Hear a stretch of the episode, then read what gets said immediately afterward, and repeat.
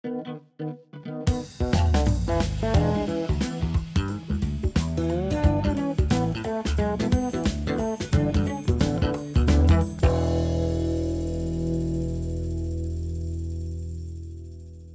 jumpa kembali pada podcast ini Kobar. Saya Dani Wahyu Munggoro dari Inspirasi Tanpa Batas. Ini Kobar adalah inspirasi untuk komunitas perubahan. Komunitas perubahan adalah siapa pun yang sedang melakukan berbagai perubahan dari mikro, meso, makro untuk masa depan yang lebih baik. Kali ini saya ingin berbagi pengalaman tentang bagaimana sebenarnya kita bisa memberikan umpan balik yang konstruktif untuk peserta, untuk staff, atau untuk kawan-kawan sejawat kita.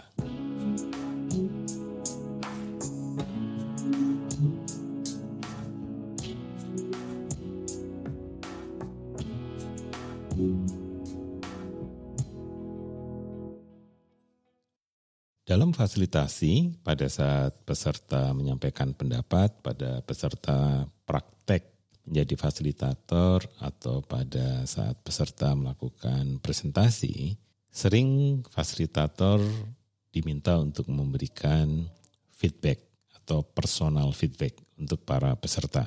Sebaliknya, peserta juga sering kali diminta oleh para fasilitator untuk memberikan personal feedback untuk kawan-kawannya pada saat kawan-kawannya praktek dan menyampaikan presentasinya.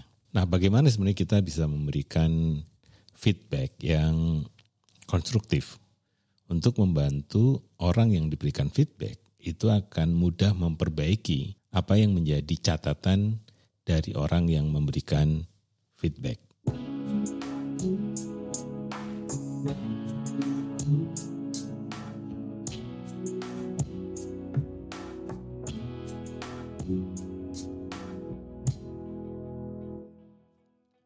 Ada tiga hal yang harus diperhatikan pada saat kita memberikan personal feedback atau umpan balik yang kita kenal dengan SBI. S yang pertama adalah situasi, kemudian yang B adalah behavior atau perilaku, sedangkan I adalah impact. Bagaimana sebenarnya kita memberikan feedback pada S yang pertama tentang situasi?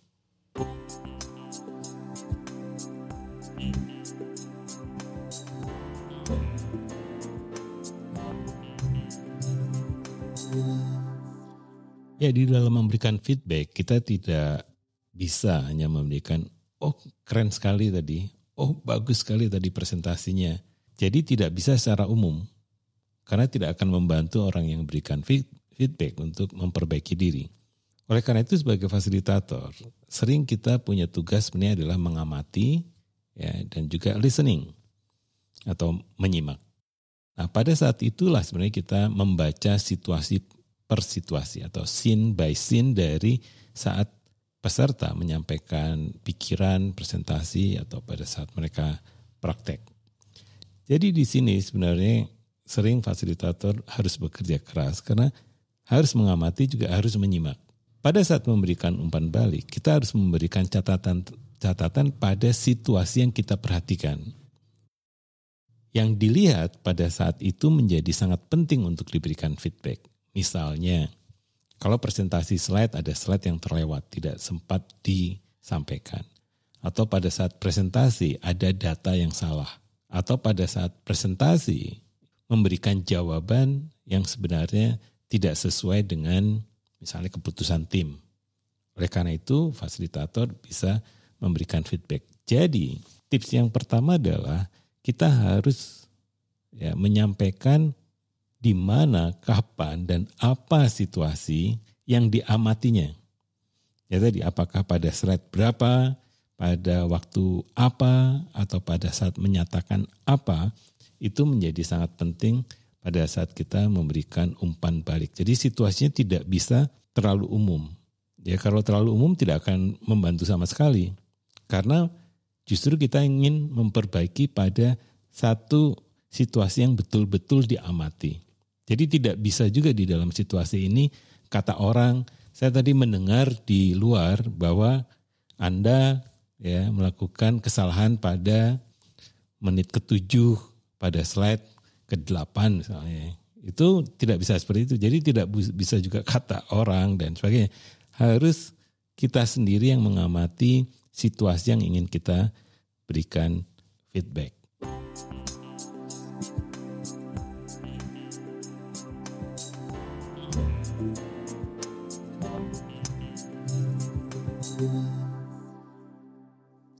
Nah, yang kedua adalah behavior atau perilaku.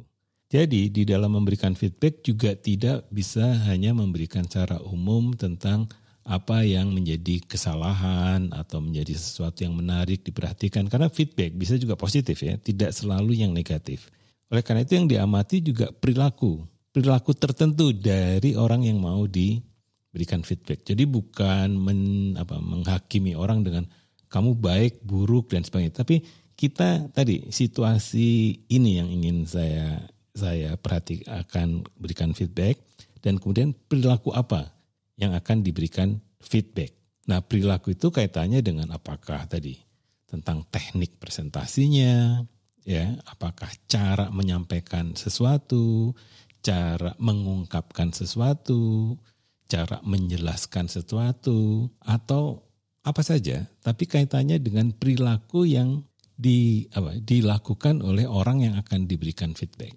Apakah suaranya terlalu keras, suaranya terlalu kecil, ya kemudian pengucapannya salah dan sebagainya. Itu bagian dari perilaku yang ingin diberikan feedback. Jadi bukan perilaku keseluruhannya soal apa? Soal orang ini baik atau buruk, tetapi kita hanya fokus pada perilaku tertentu saat kita diminta memberikan feedback. Oleh karena itu, orang yang akan memberikan feedback memang betul-betul mengamati dan juga menyimak. Jadi di sini yang dilihat sebenarnya adalah perilaku yang akan diberikan feedback. Karena perilaku itu yang sebenarnya dianggap bisa mengganggu atau justru menarik.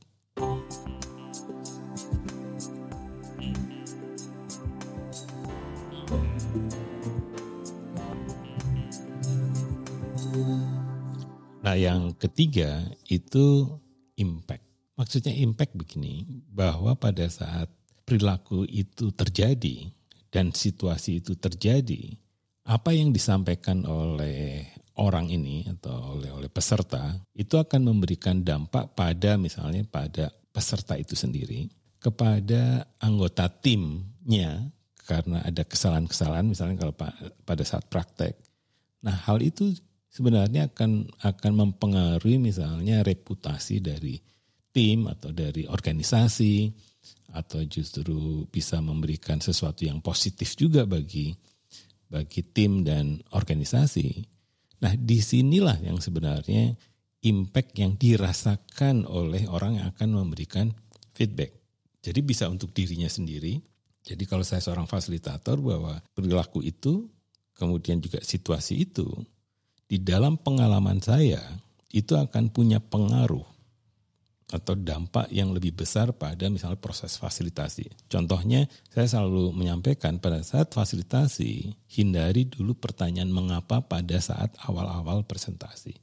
Jadi kalau ada seorang fasilitator praktek mulai dengan pernyataan mengapa, maka saya akan memberikan feedback yang khusus karena itulah yang akan menyebabkan kelas atau pertemuan itu tidak akan aktif karena dimulai dengan sesuatu yang sifatnya sangat intens, ya jangan intens. Ya tentang pertanyaan mengapa ada di sini, mengapa Anda tertarik ini dan sebagainya, itu akan membuat diskusi lanjutannya biasanya berhenti.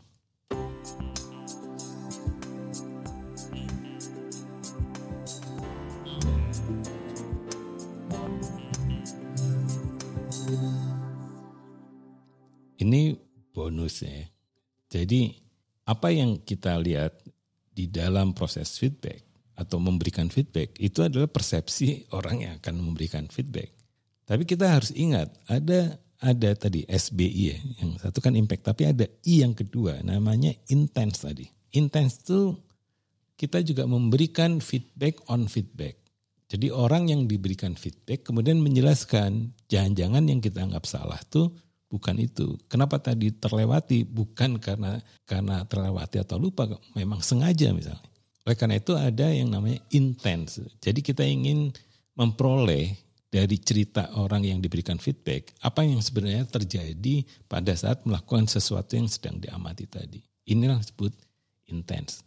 Kita kalau ingin memberikan feedback tadi satu ya situasinya harus spesifik, kemudian perilakunya juga spesifik, impactnya juga spesifik. Dan jangan lupa kita berikan feedback on feedback dengan memberikan tadi intens. Jadi apa yang sebenarnya ada di kepala atau persepsi atau asumsi atau sesuatu yang mempengaruhi sesuatu dilakukan atau sesuatu tidak dilakukan.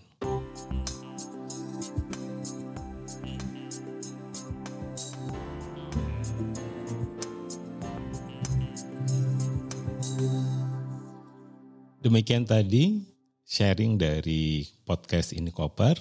Kami di Inikoper percaya bahwa berbagi apa pun, pengetahuan sekecil apa pun akan bermanfaat bagi komunitas perubahan. Sampai jumpa pada edisi berikutnya.